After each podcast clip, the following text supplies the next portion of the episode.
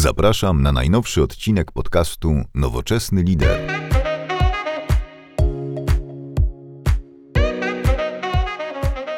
Dzień dobry, witam Was serdecznie w najnowszym odcinku podcastu Nowoczesny Lider i dzisiaj Waszym moim gościem jest Monika Reszko, e, która jest psychologiem, trenerem, tłumaczem, przedsiębiorcą, a dzisiaj w kontekście naszej rozmowy jest autorką dwóch książek, o których zaraz porozmawiamy, o jednej porozmawiamy na pewno. Także Moniko, witam Cię serdecznie, dzień dobry. Cześć, witaj Sebastian, witam wszystkich, którzy słuchają. E, bardzo miło, byliśmy się poznali e, już chyba ponad miesiąc temu, prawda? Tak już tak. dawno temu i obiecaliśmy sobie nagranie podcastu w ogóle twarzą w twarz, no ale podróże, praca, y, rozwój biznesu po dwóch stronach jakby nie, nie sprzyja, więc nagrywamy się zdalnie.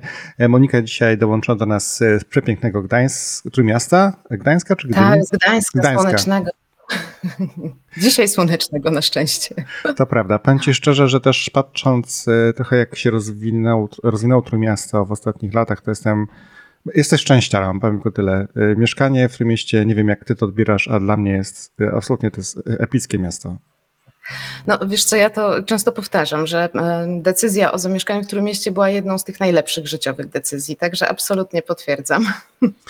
I powiem Ci, że mieliśmy sporo gości już w ogóle, którzy przyjechali do Polski.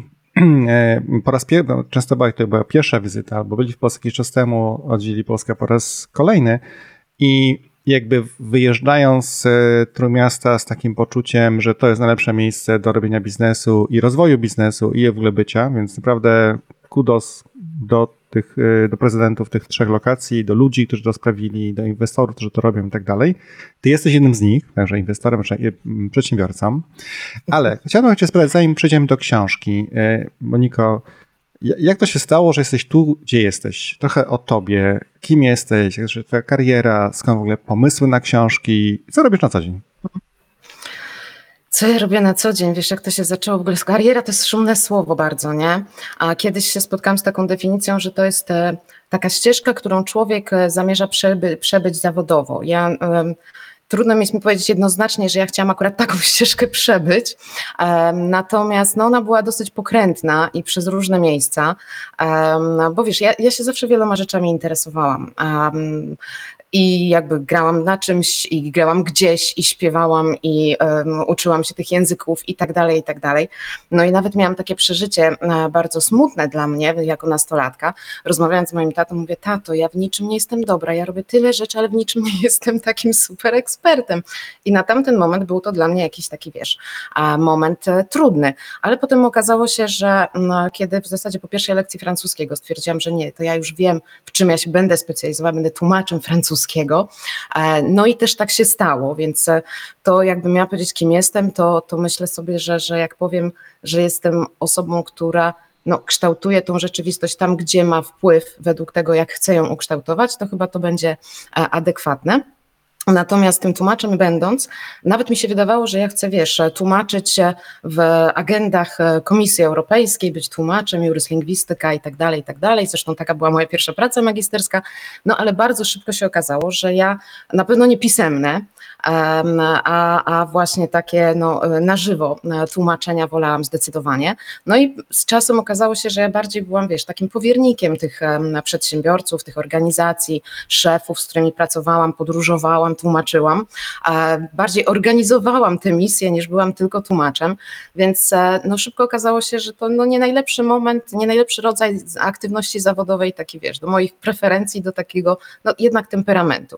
No więc szukałam dalej, no i tak zostałam project managerem i tu się zaczęła przygoda z tym, co, e, co robię dzisiaj, dlatego że będąc e, szefem, e, no zderzyłam się z tym, co się wszyscy, myślę, zderzamy na początku swojej drogi i taką mam taki żart o sobie samej, że chyba sama na tamten moment nie chciałabym być swoim pracownikiem, więc było to dosyć bolesne doświadczenie ale też sprowokowało mnie do tego, że kurczę, no chyba ja coś muszę zacząć robić inaczej, nie? Więc to, co też towarzyszy mi od zawsze, to to, że okej, okay, jeżeli nie jest tak, jak ja chcę, no to y, lepiej, żebym ja poszukała sposobu, żeby robić to inaczej, a nie jakby wiesz, mówiła, bo to ludzie, nie? bo to rzeczywistość jest taka. Nie, nie, ja jestem raczej z tych, co no, szukają odpowiedzi. No i I wiesz, i jak zaczęłam siebie szkolić, to zaczęłam też szkolić swoje zespoły. No i potem sobie pomyślałam, że w zasadzie to ja chcę pracować właśnie tam, gdzie ja chcę pracować. No i to był efektem tego jest moja własna firma. No i na skutek kolejnych działań i kolejnych rozwojów, jakby powstały pomysły też na książkę, bo ta masa krytyczna tych doświadczeń jest taka, że faktycznie było się czym dzielić. Tak? Jakieś sobie wcześniej myślałam, że ja wydam taką książkę z rozmowami, bo miałam fantastycznych zawsze klientów, e, współpracowników, e, z którymi miałam przyjemność właśnie obcować. E, no i tam było tyle inspiracji, nie? Ale tak sobie pomyślałam, kurczę, przecież jak te osoby będą chciały opowiedzieć swoją historię, to one ją opowiedzą i ja nie wiem, czy to jest takie interesujące. Może by było, ale ja na tamten moment stwierdziłam, Reszko, poczekaj jeszcze, jak ty byś miała coś swojego do powiedzenia, to może wtedy jakąś książkę napiszesz, tak? Więc no droga do tej książki jednej i drugiej e, trochę, trochę lat zajęła, no ale obie były właśnie już z pomysłem, żeby coś tam sensownego ludziom powiedzieć. Także jakbym miała powiedzieć, wiesz, kim jesteś nieznajoma, to powiedziałabym, że na dzisiaj absolutnie na tu i teraz e, spełniona. Karolina Ciepłucha, HR Business Partner, klientka Moniki. W czym Monika zaskoczyła mnie najbardziej? Z Moniką znamy się już kilka lat. Pierwsze, co przychodzi mi na myśl, to konsekwentne realizowanie marzeń, planów i celów przy jednoczesnym zachowaniu wewnętrznego spokoju i optymistycznej wizji końca. Przez tyle lat współpracy nie pamiętam, żebym od niej usłyszała: Karola, tego się nie da. Mimo, że nie zawsze było, jest łatwo, ona wie, co robi i żadne przeciwności losu nie powodują, że mówi: Dobra, poddaje się. Wewnętrzna siła to jest to, co bardzo w niej cenię. Myślę, że na pierwszy rzut oka nikt nie powiedziałby, że jest silną kobietą. Nie pręży muskulatury, a jest silna. Wewnętrznie bardzo. Silna i świadoma. I myślę właśnie, że ta siła zaskoczyła mnie kiedyś i zaskakuje przy każdym jej nowym projekcie. Wie, co robi, cały czas idzie do przodu i jest ciągle uśmiechnięta. Y, po, po, powiem ci, jestem też jestem bardzo ciekaw, jak, y, bo twoja książka druga nazywa się Mindfuck z gwiazdką szefa, więc jakby rozumiem, że z czysto przy, przyczyn y, niepopularyzacji, niepopularyzacji brzydkich słów jest ta gwiazdeczka. Jak, kto wymyślił tą, tą, ten tytuł książki? Ty czy wydawnictwo? Wiesz co, tytuł e, mogę powiedzieć, że on powstał zanim książka powstała. Mhm. i to zupełnie spontanicznie, bo to był, wiesz co, to był taki, to jest w ogóle historia z mojej pierwszej książki, dlatego że moja pierwsza książka była napisana, była po korekcie, była e, już drukarnia, że tak powiem, w blokach startowych, e, okładki nam brakowało, a brakowało nam okładki, bo ja nie miałam tytułu, więc jakby wszystko było super, no i pamiętam jeden taki weekend, gdzie chodziłam po prostu, wiesz, już z takim stanem, kurczę, no, no jak, jak to zatytułować, nie? Jak, jak, jaki to jest stan? E, no i tak sobie stwierdziłam, że ja to mam po prostu prawdziwy mindfuck w tym momencie. Wszystko gotowe, i nie mogę ruszyć, nie? Tak jak wielu moich klientów. Mam, wszystko wiem, wszystko teoretycznie powinno działać, ale nie działa. No i, i, i tak stwierdziłam, kurczę, no następna to będzie mindfuck, nie? E, a nie miałam jeszcze tytułu do, do, do pierwszej, także no i też rodzinnie. Pamiętam, siedzieliśmy kiedyś i tak wspominałam z moim bliskim, jak to był ten proces pisania książki. No i moja chrześnica wtedy powiedziała: No wiesz co, no jak jest mindset, to musi być też mindfuck, nie? No i także e, właściwie na pół roku, zanim zaczęłam pisać książkę, tytuł był gotowy, także e, to poszło bardzo spontanicznie. Dzień dobry. Nazywam się Cyprian Wieczorkowski z grupy producenckiej Luthausa. Razem z Dawidem Gorgolewskim jesteśmy odpowiedzialni za produkcję i udźwiękowienie audiobooka Mindfuck Szefa autorstwa Moniki Reszko. Co sądzę o tytule Mindfuck Szefa? Pytanie trudne. Z mojej perspektywy jest to tytuł, który krótko i w punkt określa treść tej książki. Zastanawiałem się, czy jest prowokacyjny, albo czy to jest tylko zwykły zabieg marketingowy. Ale pracując nad realizacją audiobooka, utwierdzimy się w przekonaniu, że taki nie jest, że jest bardzo trafiony. Podczas produkcji, razem z autorką, śledziliśmy każdy element, każdy wyraz, każde zdanie i jestem przekonany, że sam tytuł i treść skłaniają nas do wnikliwej analizy własnego zachowania. Oczywiście zachowania w prowadzeniu firmy. Tak jak Monika ostrzegała, ta książka nie jest dla wszystkich. Trzeba być na nią gotowym. Ja chyba nie byłem. ale podczas pracy producenckiej zaszły we mnie zmiany w podejściu do prowadzonego biznesu. Oczywiście nie zmieniło to sposobu naszego podejścia do samego procesu producenckiego, ale poprawiło nasze myślenie o samym prowadzeniu naszej działalności. Za co oczywiście serdecznie dziękuję Monice, a samą książkę polecam wszystkim, nie tylko szefom. Dziękuję za rozmowę. Cyprian Rzeczorkowski, grupa producencka Ludhausa. Jak wydawnictwo, jak zobaczyło tytuł książki, pamiętam przy naszej książce mieliśmy długą debatę odnośnie tytułu. Tak? Mhm. Aha, wiesz co, e, u mnie było ok, ale myślę, że też dlatego, że ten podtytuł dużo wyjaśnia, nie? Mhm. Żeby w końcu wyszło tak, jak wyjść nie chce. Bo faktycznie ten stan, który towarzyszy wielu menedżerom, wielu e, właścicielom, e, no to no, no dla mnie to się tak kojarzy, nie? Że kurczę, mam kompetencje, mam wiedzę, e, mam ludzi, mam pomysł, mam plan biznesowy, e, a to ciągle jakoś tak zatacza takie kółko, że lądujemy w punkcie wyjścia, albo co jest lepiej, to za chwilę jest znowu gorzej. E, Więc no i, no i przede wszystkim nie ma tego spokoju, nie ma tego poczucia spełnienia, e, no ale o czym też się nie mówi, bo to mało popularne, co zresztą też wprost w książce napisałam, że książka jest dla dorosłych, e, czyli takich, którzy no faktycznie chcą zobaczyć, jak rzeczy się mają, e, a nie jakbyśmy sobie tego życzyli. To, to prawda. No i mam tu jeszcze przygotowanego jednego mema na dyskusję później odnośnie twojej książki, które wydaje się Aha. być, y, koresponduje z jednym z, y, z akapitów. Ja go później przytoczę, dobrze? Ale to za, chwilę, to za chwileczkę.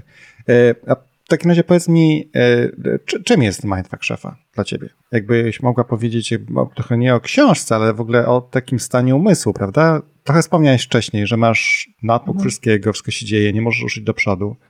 Coś jeszcze? Wiesz co, no to jest taki stan, on może być albo permanentny, tak? E, W sensie, że no, y, wiesz, funkcjonujesz miesiąc, dwa, pięć lat, e, no w takim e, napięciu, ciągłym napięciu, ciągłej niepewności, takim, e, wiesz, no czymś bardzo niezdrowym, E, a z drugiej strony momentalne takie mindfucki, gdzie siadasz, patrzysz na swoją rzeczywistość i się zastanawiasz, jak do tego doszło. Nie? E, I to, I to może być w różnych sytuacjach. To może być sytuacji, gdzie, e, no nie wiem, robisz sobie podsumowanie roku, albo nie wiem, nagle ktoś ci odchodzi, tak? Albo chcesz wręcz przeciwnie kogoś zatrudnić do zespołu, no i patrzysz, no ale kurczę, ale jak, nie? Albo sobie przypominasz, jak jeden z moich klientów e, w 45 swojej urodziny, że przecież miał zupełnie inny pomysł na firmę, bo on chciał ją sprzedać, jak będzie miał 40 lat, a potem już tylko jeździć po świecie, nie? To jest taki stan, gdzie mówiąc o stanie właścicielskim, gdzie w zasadzie to firma ma ciebie, a nie ty masz firmę. Nie? Kiedy e, na- nasze nastawienie, nasze samopoczucie zależy od tego, co się dzieje w firmie. Mhm. E, Kiedy bardziej myślimy o ludziach, zamiast o tym, po co myśmy w ogóle założyli tą firmę. Wiesz, to, co jest fascynujące dla mnie, e, kiedy pracuję z klientami, bo ja bardzo często, to jest jedno z podstawowych pierwszych pytań, które ja zadaję, nie? Po co ci ta firma? Jakikolwiek jest temat do pracy, kiedy zadaję pytanie, po co ci ta firma, e, no to wiesz, no to e, ostatnio też miałam przyjemność uczestniczyć w takiej konferencji właśnie dla przedsiębiorców. E, No i spytałam, szanowni państwo, po co założyliście firmy? No i padły tam takie odpowiedzi, że no żeby zarabiać więcej, żeby mieć więcej czasu, żeby mieć więcej niezależności. Takie trzy główne aspekty padły. No ja pytam, no dobra, no to który z was ma, która z was ma więcej czasu? No jakby tak wiesz, las rąk e, trochę opadł, nie? A która, który z was e, ma już tyle pieniędzy, ile chciało mieć? No dokładnie tak samo. No i z tą niezależnością, wiesz, ta niezależność to jest kolejna e, iluzja, w której tkwimy, będąc czy menedżerem, czy właścicielem, że no właśnie mamy tą niezależność, nie? Nasza niezależność kurczy się do zera w momencie, jak sobie powiesz, że tak, potrzebujesz zespołu, potrzebujesz klienta, e, tak, e, no i potrzebujesz jakby dostawcy, no i koniec twojej niezależności, tak, pomijając, e, albo może nie pomijając, tylko wskazując dodatkowo w drugą totalnie stronę, że no kurczę, to wszystko, co robimy, to po to, żeby gdzieś przeżywać potem z ludźmi, bo no, nie jesteśmy samotnymi wyspami, a każdy człowiek, no to, to jesteśmy istotami społecznymi, więc tych ludzi po prostu potrzebujemy. Natomiast myślę, że mylimy ten stan niezależności z poczuciem odrębności, a to już jest takie pojęcie, wiesz, psychologiczne. To prawda. Ja też pamiętam, może to jest jakiś pewnie wycinek tego, tego obszaru niezależności biznesu i w ogóle. E, Wiele osób e, jeszcze kilka lat temu, mając dość pracy w korporacjach, e, dorobiło się dobrych pieniędzy i wymyśliło sobie, że będą prowadzili pensjonaty. Że Mhm. właśnie będzie więcej czasu, więcej wolności i tak dalej. Mi się wydaje, że to jest taki, to jest taki biznes, który nigdy nie jest spokojny, nigdy się nie ma czasu. To jest bardziej męczące niż cokolwiek innego. Jakby chodzi mi bardziej o to, że jakby wyobrażenie często o tym, jak będzie wyglądał świat mając własną firmę, no, nikt nie przewiduje COVID-ów i innych rzeczy, to jest jeszcze inna kwestia. Także to, to Mhm. powoduje tylko tyle, że jest po prostu totalny taki clash, takie wiesz, zderzenie z rzeczywistością. Wiesz co, tak. e, I to, co powiedziałeś teraz, no bo wiesz, ja też w książce piszę właśnie o tych sposobach, w jaki sposób zakładamy firmy, nie? Mhm. E, No i te trzy rodzaje, takie, które ja tam wymieniam, z którymi się spotykam też jakby na co dzień, e, no to jest właśnie, wiesz, to, co teraz powiedziałeś o osobach, które odchodzą z korporacji, bo się dorobiły jakiś, em, jakiś pieniędzy, to są dwa takie, wiesz, albo jest firma w odwecie, to ja wam teraz pokażę, jak się zarządza, jak się prowadzi firmę, jak należy to robić, albo firma pod tytułem też bym tak chciał, nie? W sensie, że teraz to właśnie ja tak będę sobie e, niczym te największe sukcesy z Doliny Krzemowej. Więc e, jeden i drugi motyw e, są, e, no one są złudne, e, no i jakby kom, kompletnie e, w braku kontaktu z rzeczywistością. E, tak, dlatego, że to, co powiedziałeś, e, e, wiesz, czy pensjonat, czy jakikolwiek, ja mówię, ja znam spełnionych, szczęśliwych, spokojnych naprawdę właścicieli w różnych branżach, też moi klienci jakby przychodzą też po to, żeby właśnie z tego mindfucka do tego wyzwolenia dojść. E, O tym jest cała, cała książka. Natomiast e, no, to wszystko zależy od sposobu przeżywania rzeczywistości i jak my sobie radzimy z tą niepewnością, nieprzewidywalnością. E, Więc no, to zderzenie bywa bolesne. I z drugiej z kolei strony, wiesz, jak ktoś prowadzi firmę, to się spotyka często z takim podsumowaniem, a bo ty masz firmę, to tobie łatwiej, nie? E, I też e, właściciele e, spotykają się z tym, że no, absolutnie jest to ze, ze, przez środowisko zewnętrzne, nawet ich najbliższe czasami otoczenie, w ogóle nierozumiane, z czym to się w ogóle wiąże, nie? Jaka, na, jakie to jest duże wyzwanie, ale mówię, nieorganizacyjne, niefinansowe, emocjonalne i psychologiczne, e, no bo, no bo to są te momenty, które, które nawalają, które są przyczyną mindfucka. Ja dodam, że nie chcę oceniać absolutnie i tutaj nie śmieję się z nikogo, bo sam własnej firmy nie miałem e, w jakimś większym wiesz, wymiarze. Zawsze, zawsze podziwiam osoby, które e, zwa się pójść tą ścieżką. Wiele osób jest bardzo, odnoszą duże sukcesy. Ja też słyszałem ostatnio e, u, u podcastera Paciorka bardzo fajny wywiad z panem, który założył taką dużą firmę alkoholową w Polsce. Mhm. Ja, jakby y, ten, to tytan pracy, jakby dostępny 24 prawie na dobę dla swoich klientów, a odniósł sukces, super dobre, dobre podejście i tak dalej. Pytanie tylko jakby, mi się wydaje, że warto wiedzieć, na co się godzę, prawda, w tym biznesie, który chcę założyć, Tak. bo też e, w, w twojej książce jest też napisane, że większość osób pracuje 60 godzin w tygodniu, prawda, mając swój biznes. Ja myślę, że korporacji podobnie albo jeszcze dłużej. Dokładnie, więc to wiesz, nawet nie chodzi o. Dlatego ja mówię, że e, wiesz, ja pracuję i z właścicielami, i z Mhm. menedżerami. Siłą rzeczy właścicieli jest więcej, e, w takich programach indywidualnych też. Na, natomiast, e, natomiast powiedziałabym, że wyzwania są bardzo podobne i Mhm. dlatego też jak czasami na moich programach spotkają się i właściciele, i menedżerowie, to dużo łatwiej jest im potem właśnie budować współpracę w swoich własnych organizacjach, nie? Bo, bo roz, zaczynają rozumieć, że, że z jednej i z drugiej strony to jest podobne e, doświadczenie. E, Natomiast to, co mówiłeś o tym, wiesz, e, zapracowaniu, był taki moment e, w naszym kraju, zresztą trochę jeszcze to jest odczuwalne, że wiesz, że tytan pracy to jest w ogóle cnota, nie? Mało tego, dużo klientów jak do mnie przychodzi, to mówi z taką dumą, wiesz, bo ja jestem taki pracocholik, nie? Ja mówię, kurde, pracoholizm to się leczy, to jest uzależnienie, to jest kompensacja, nie? Więc, więc no, nie rozumiemy tego, co sobie robimy po części, dlatego że ja opisałam coś takiego, wiesz, takie zjawisko finansowej bulimii, ja to tak nazwałam, ale wiesz, jakbym miała powiedzieć o finansowej anoreksji, to też bym mogła to uzasadnić, dlatego że wiesz, są niektórzy ludzie, którzy co zarobią, to muszą stracić, nie? Jakoś tak to się kurcze dzieje w rzeczywistości, że, że ciągle jest gdzieś na minusie albo blisko zera, a więc, więc no, to jest tak, że, że mam coś, ale nie umiem tego utrzymać. I tu znowu wchodzi no absolutnie, e, wiesz, mental, psychę, emocje i tak dalej, i tak dalej, co z tym robimy, z tym pomieszczaniem tego wszystkiego, to tak jak dokładnie z tym odżywianiem, tak, a z tą anoreksją to jest, wiesz, to jest tak jak powiedziałeś, powiedziałabym anoreksja przedsiębiorcy, tak, Mhm. Em, wiesz, trochę się śmiejemy, bo to chcę lekko to podawać, ale tematy są poważne. Mhm. Bo em, nie wiem, jak z tym człowiekiem, o którym, o którym mówiłeś, ale bardzo wiele osób, nawet jeżeli osiąga sukces, wiesz, tak rozumiany z zewnątrz jako sukces, nie? Duża firma, duże pieniądze i super bryka, e, no to absolutnie ma takie, wiesz, wyzwanie, żeby faktycznie się tym cieszyć, nie? I jak się coś już osiągnie, jest jakiś kolejny cel zrealizowany, to nie ma tej celebracji, nie ma tego, kurczę, gratulowania sobie, nie ma tego, tej radości, tylko jest jakby napięcie o to, żeby tego nie stracić, albo taki jakiś przymus, dobra, to już muszę kolejne, nie? No i, i, i wtedy no, dzieją się niefajne rzeczy i, i w rodzinach, i, i w takim wewnętrznym przeżywaniu. No i o tym też jest ta książka, dlatego mówię dla dorosłych. Mhm. E, Wiesz co, to właśnie mam dla ciebie przygotowanego e, szybkiego jeszcze mema. Aha. Chciałem, żeby zaraz załaduję, bo to nawiązuje po części, e, mam nawiązuje ten mem do, mm, do, jedne, do jednego sformułowań swojej, swojej książki. Tylko poczekaj, muszę wyszorować ekran chyba, bo inaczej się nie uda tego zrobić. Już ci pokazuję. E, Chodzi o to, że masz w książce napisane, że 18 przedsiębiorców, pro- no, 18% przedsiębiorców deklaruje, że nie założyłoby ponownie firmy. Tak. I e, tutaj taki mem, który pamiętam, był w internecie dostępny. e, Taka pani pyta się, co robisz? Jestem przedsiębiorcą w Polsce. To ja cię, ja cię, podziwiam i kocham, tak naprawdę.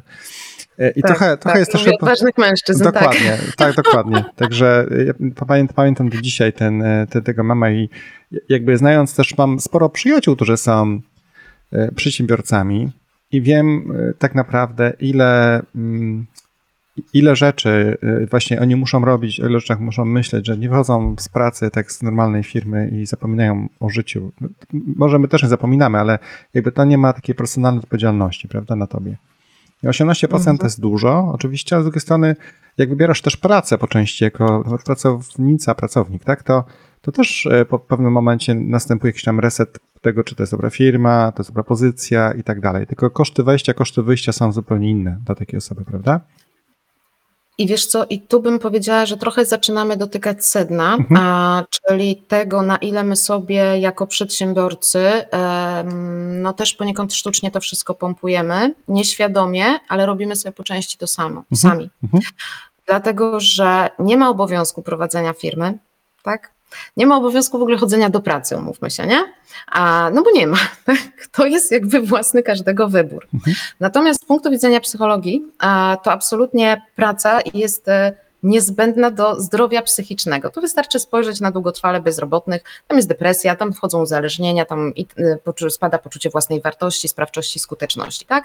Więc to są te wszystkie elementy, do których, które są uwarunkowane tym, co my robimy e, właśnie w tym obszarze takich kompetencji. A że to się pracą popularnie nazywa, no to jest zupełnie inna rzecz i za to się płaci, nie? E, Więc e, powiedziałabym, że kiedy decydujesz się na założenie firmy, wiesz, ja często mówię o tej relacji dorosły-dorosły, e, dlatego że przez to, że właśnie te motywy założenia firmy mamy nieuświadomione, po co nam ta firma, co ważnego chcemy dać sobie, co ważnego chcemy dać światu, co ważnego, e, nie wiem, wyjątkowego, jaka wartość ma, ma z tego powstawać. Takiego, wiesz, no nie chcę, żeby brzmiało nie wiadomo jak patetycznie i filozoficznie. E, tak, dokładnie, pamiętam, bo też znam tego mema. E, tak, nie chcę, żeby, wiesz, za, za, zawiało tu patosem, ale ale faktycznie ten sens jest niezbędny do tego, żeby nam się chciało wstawać. A to, co się dzieje, co, co ja też opisuję w książce jako te trzy typy takie dysfunkcyjne, to okazuje się, że my za bardzo wchodzimy w rolę bohatera, ale w tym sensie poświęcania się dla ludzi. Wielu moich właścicieli absolutnie żywo reaguje, jak ja na przykład prowadzę webinary albo spotkania na, na, dla nadopiekuńczych szefów, bo em, no, to się dzieje zupełnie znowu nieświadomie. I tak jak w książce napisałam, wiesz, ten, taką sytuację, czemu my się nieświadomie tak bardzo głęboko boimy i wstydzimy realizować własnych pomysłów własne pomysły, nie? Mhm. E, No i tam opowiadam taką historię z przedszkola, e, gdzie e, no jak sobie pomyślimy i tak jak się pytam czasem moich klientów, nie? Na, na takich e, właśnie ot- spotkaniach otwartych, które też robię, e, co pamiętacie z przedszkola, jak mieliście swoją ulubioną zabawkę, nie? No to najczęściej tej ulubionej zabawki nie można było te, nosić do tego przedszkola, żeby inne dzieci nie płakały, tak? I żeby pani nie miała problemu z tym, że no, dzieci robią nie to, co pani chce. No więc zobacz, że od małego jesteśmy jakby e, karmieni tym, że jak masz ty coś swojego fajnego, no to musisz to ukrywać przed światem, nie? I to, wiesz, pozornie teraz jak ktoś tego słucha, to może sobie pomyśleć, a tam bzdury, nie? Ale jak się głębiej nad tym zastanowisz, no to i jak ja pracuję na sesjach indywidualnych, czy na takich programach właśnie bardzo już takich rozwojowych dla właścicieli, to odkrywamy całą masę nieświadomych uprzedzeń, gdzie właśnie jak ja mam fajny pomysł, to ja zapraszam ludzi do współpracy. Nie? E, I jeżeli pierwszego dnia w pracy e, zarówno szef, jak i e, współpracownik motywację od 1 do 10 ma na 15, to co się dzieje później? Nie?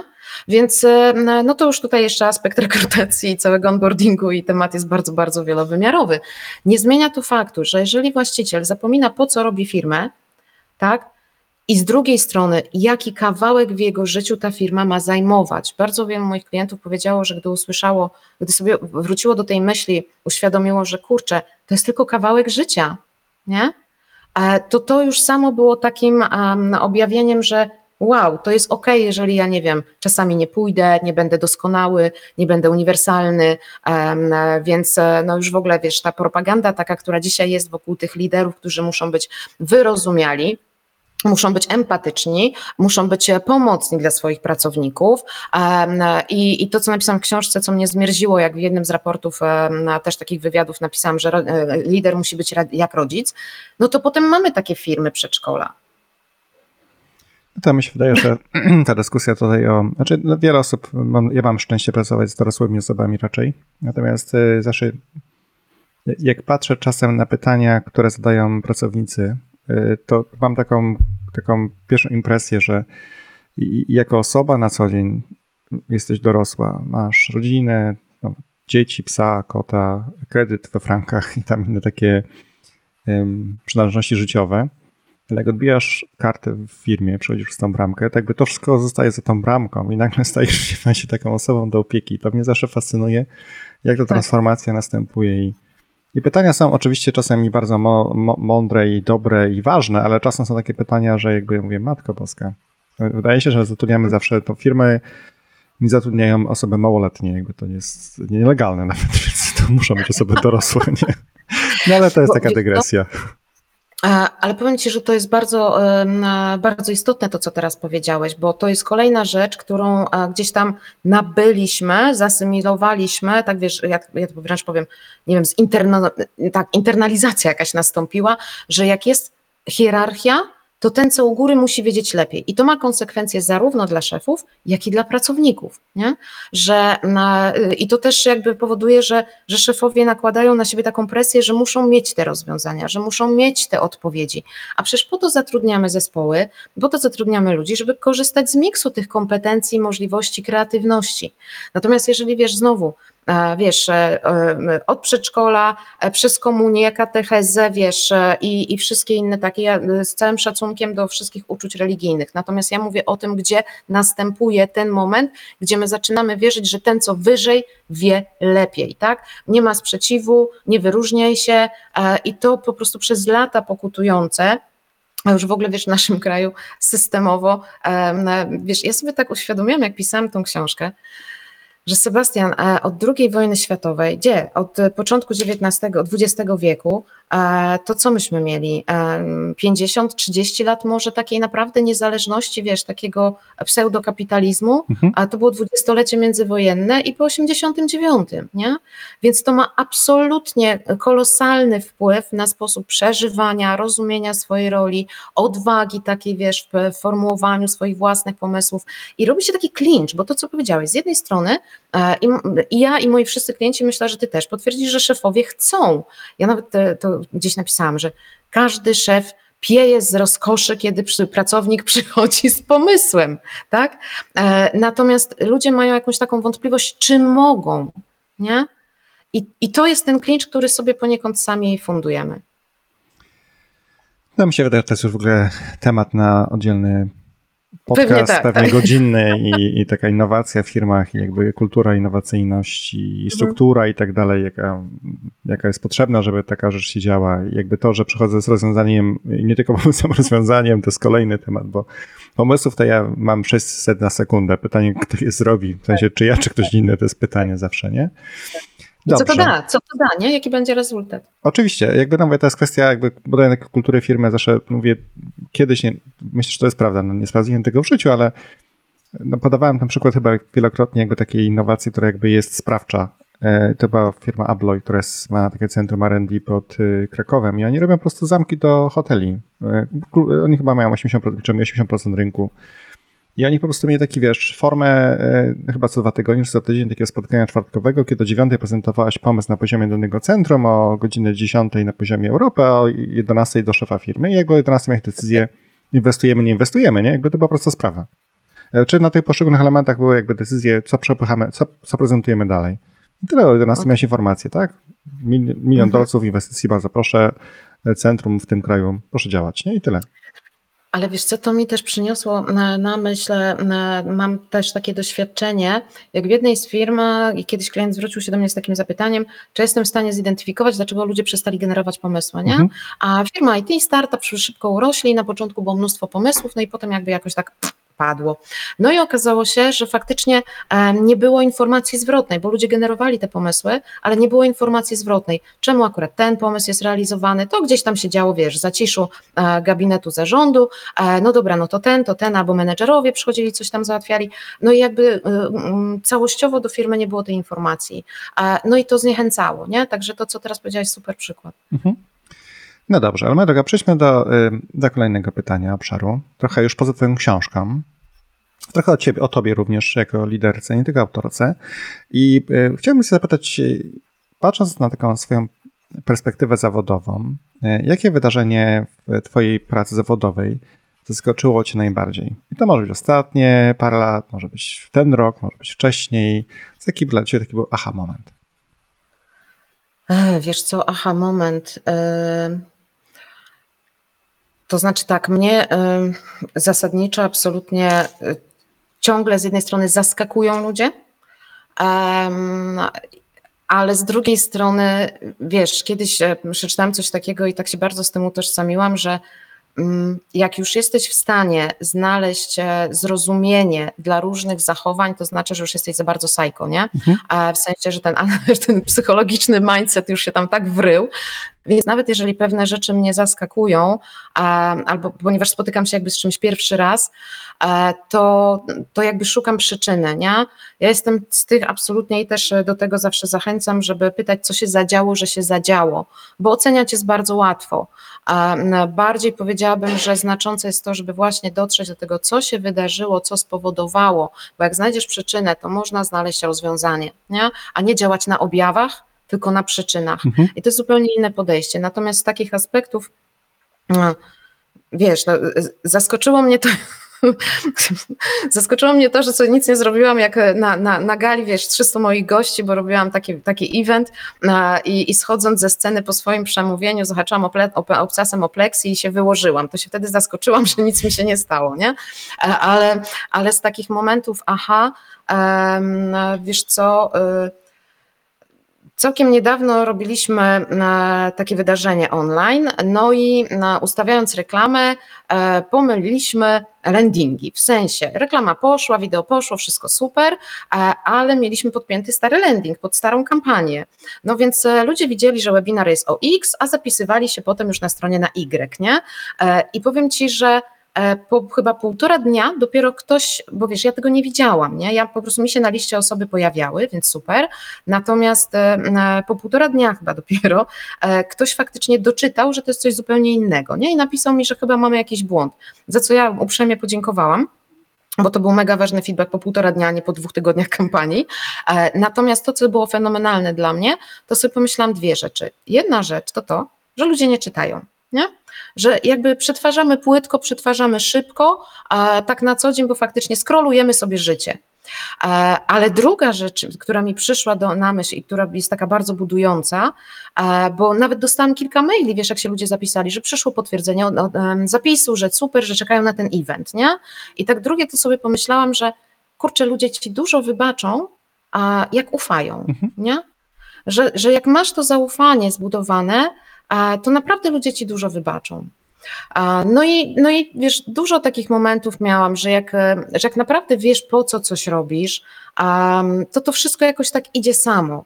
Nie? Więc idzie samo w tym sensie nie to, że się magicznie dzieje, ale ja pamiętam, wiesz co, taki e, projekt, który realizowałam dla młodzieży z domów dziecka parę lat temu i w ten projekt było zaangażowane, była, e, było trzech ambasadorów. Ten, sport, ten projekt bardzo bazował na sporcie, mhm. trwał rok czasu no ja potrzebowałam jakby ludzi, żeby, żeby, żeby zrobić ten projekt, no bo, bo sama to mogłam sobie, wiesz, wyjść na balkon i pokrzyczeć, że mam fajny pomysł.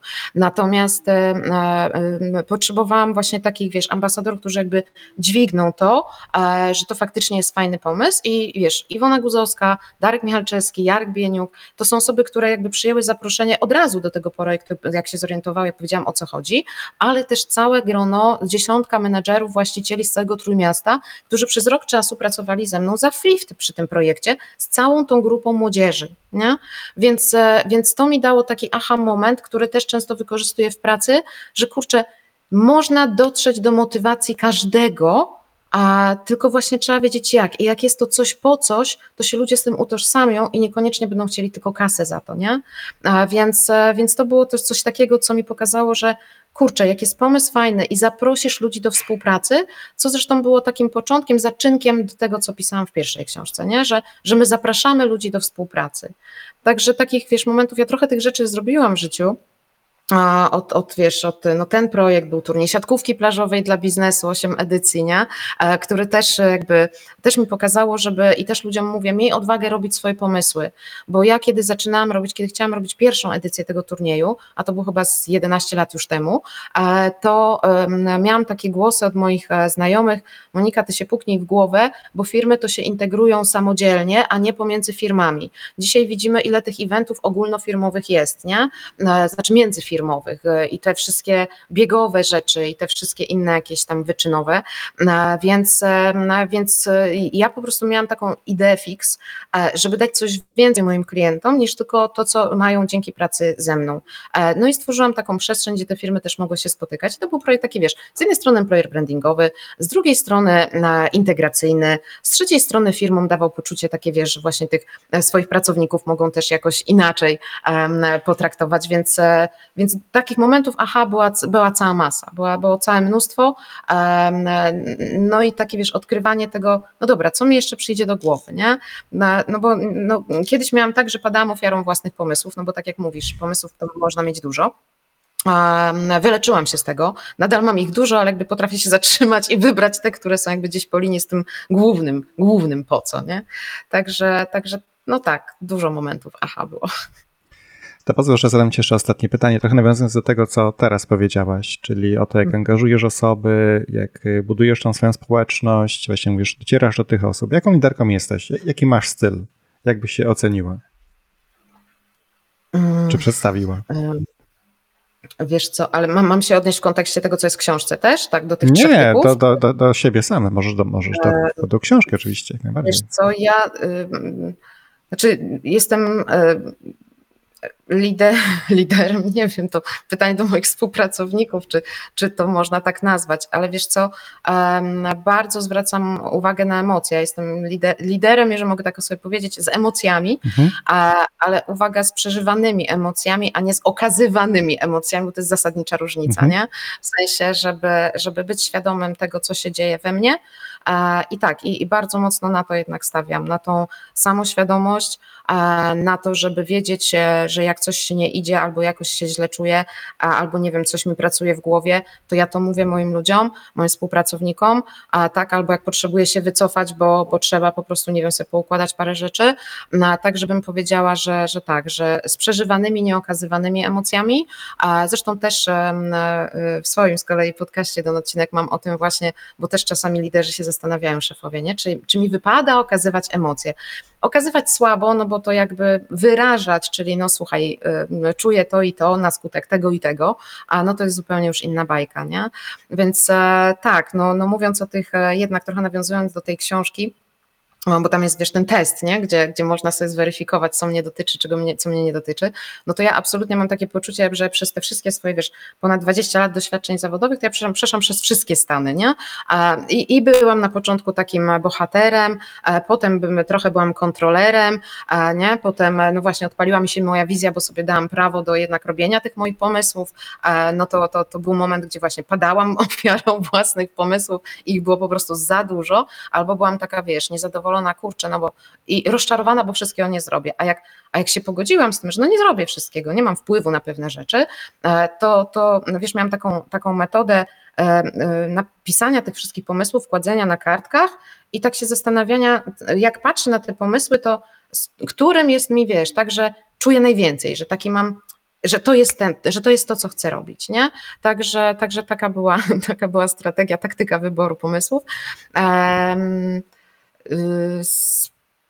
Spełnionym tak. Ja, ja, ja czuję się ok. Jest, jest mi bardzo ok w wielu momentach, w wielu obszarach mojego życia. No i z takim, takim, który ceni spokój i jasne sytuacje. I ja potrafię, e, wiesz co, wrócić do rozmowy i też do tego zachęcam moich współpracowników. Jeżeli jest jakikolwiek temat, to tak długo rozmawiamy, albo tak często rozmawiamy, wracamy do tematu, aż mamy poczucie po obu stronach, że temat jest rozwiązany, domknięty, nie? Mhm. Bo wtedy można iść dalej, także... No Moniko, jeszcze to, to ostatnie, ostatnie pytanie obiecuję. Masz już na koncie dwie książki. Czy myślisz o trzeciej? A jeżeli tak, to o czym chciałabyś, żeby ta książka była? Mm, wiesz co, no, jeden z moich klientów powiedział, że potrzebne jest trzecie M, nie? Czy był mindset szefa, był mindfuck szefa i teraz potrzebne jest trzecie M. Um, no jeszcze, jeszcze y, tego M to mi tak nie wybrzmiało. M jak miłość e, może. tak były pomysły, wiesz, miłość szefa, nie? E, wiesz co, myślę, że jednak e, pójdzie w takim kierunku no, no pogłębienia tej strefy osobistej, tak? E, natomiast jeszcze, bo tak, tak jak na Mindfuck miałam, miałam pomysł dużo wcześniej, miałam na niego pomysł zanim napisałam Mindset tak naprawdę, e, natomiast musiałam do, niej, do tej książki dojrzeć, e, tak, dlatego, że masa krytyczna po sesjach indywidualnych, po tym co czułam, że jest, musiała się jakby uprawomocnić na skutek tego, że ja faktycznie doświadczę tego, że tak faktycznie jest, jak ja to czuję, nie, e, pracując z klientami, musiałam do niej dojrzeć. Mindset też jakby miał swój pomysł dużo wcześniej, i zanim napisałam książkę, to ja e, no, też przerobiłam ten program na, na no, kilkaset osób, e, więc e, to jakby był pomysł. Pomysł na trzecią się rodzi. Jak ktoś ma jakiś pomysł, czego potrzeba, to ja chętnie posłucham. Ale myślę, że będzie trzecia, myślę, że będzie. Nazywam się Jarosław Banacki i jestem założycielem i prezesem cyfrowe.pl, największego polskiego specjalistycznego sklepu ze sprzętem dla fotografów E, i filmowców. O czym jako CEO chciałbym przeczytać w kolejnej książce Moniki? Hmm. Ciekawe pytanie. E, staram się sporo czytać, więc tu nie wiem, czy coś by mnie mocno zaskoczyło, albo coś, co, czego jeszcze nie przeczytałem, czy z jakiegoś hmm, obszaru czuję niedosyt. Ale jak tak głęboko się zastanowić, to biorąc pod uwagę bardzo bogate doświadczenie Moniki, wieloletnie z różnymi filmami, i to myślę, że chciałbym wykorzystać trochę jej perspektywę różnych branż, różnych firm, różnych ludzi, różnych zespołów.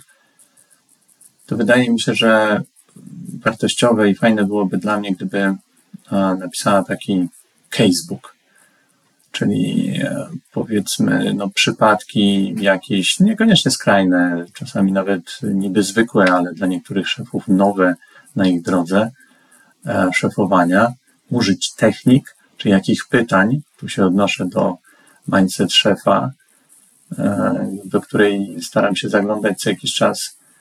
No to w razie czego, jeżeli macie ochotę dać informację Monice, o czym warto jeszcze mm, poczytać, to e, monikareszko.pl, tak? Dobrze pamiętam twoją domenę? monikareszko.com. E, com, przepraszam, com. E, także też będzie podlinkowany ten adres na, na moim blogu.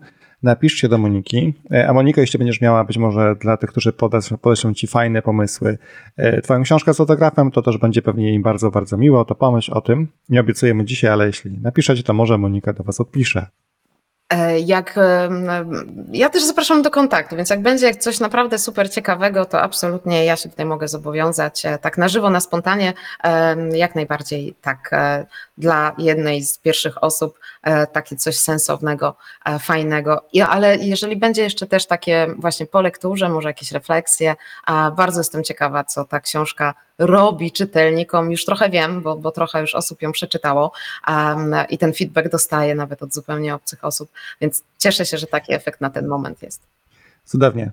Dziękuję Ci, Moniko, bardzo za Twój czas, za rozmowę. Dzisiaj e, Waszym moim gościem była Monika Reszko, e, również autorka książki Mindfuck Szefa. Dziękuję Ci, Moniko, bardzo za rozmowę. Miłego dnia. Ja dziękuję za zaproszenie. Dzięki, Sebastian. Dziękuję serdecznie za wysłuchanie tego podcastu.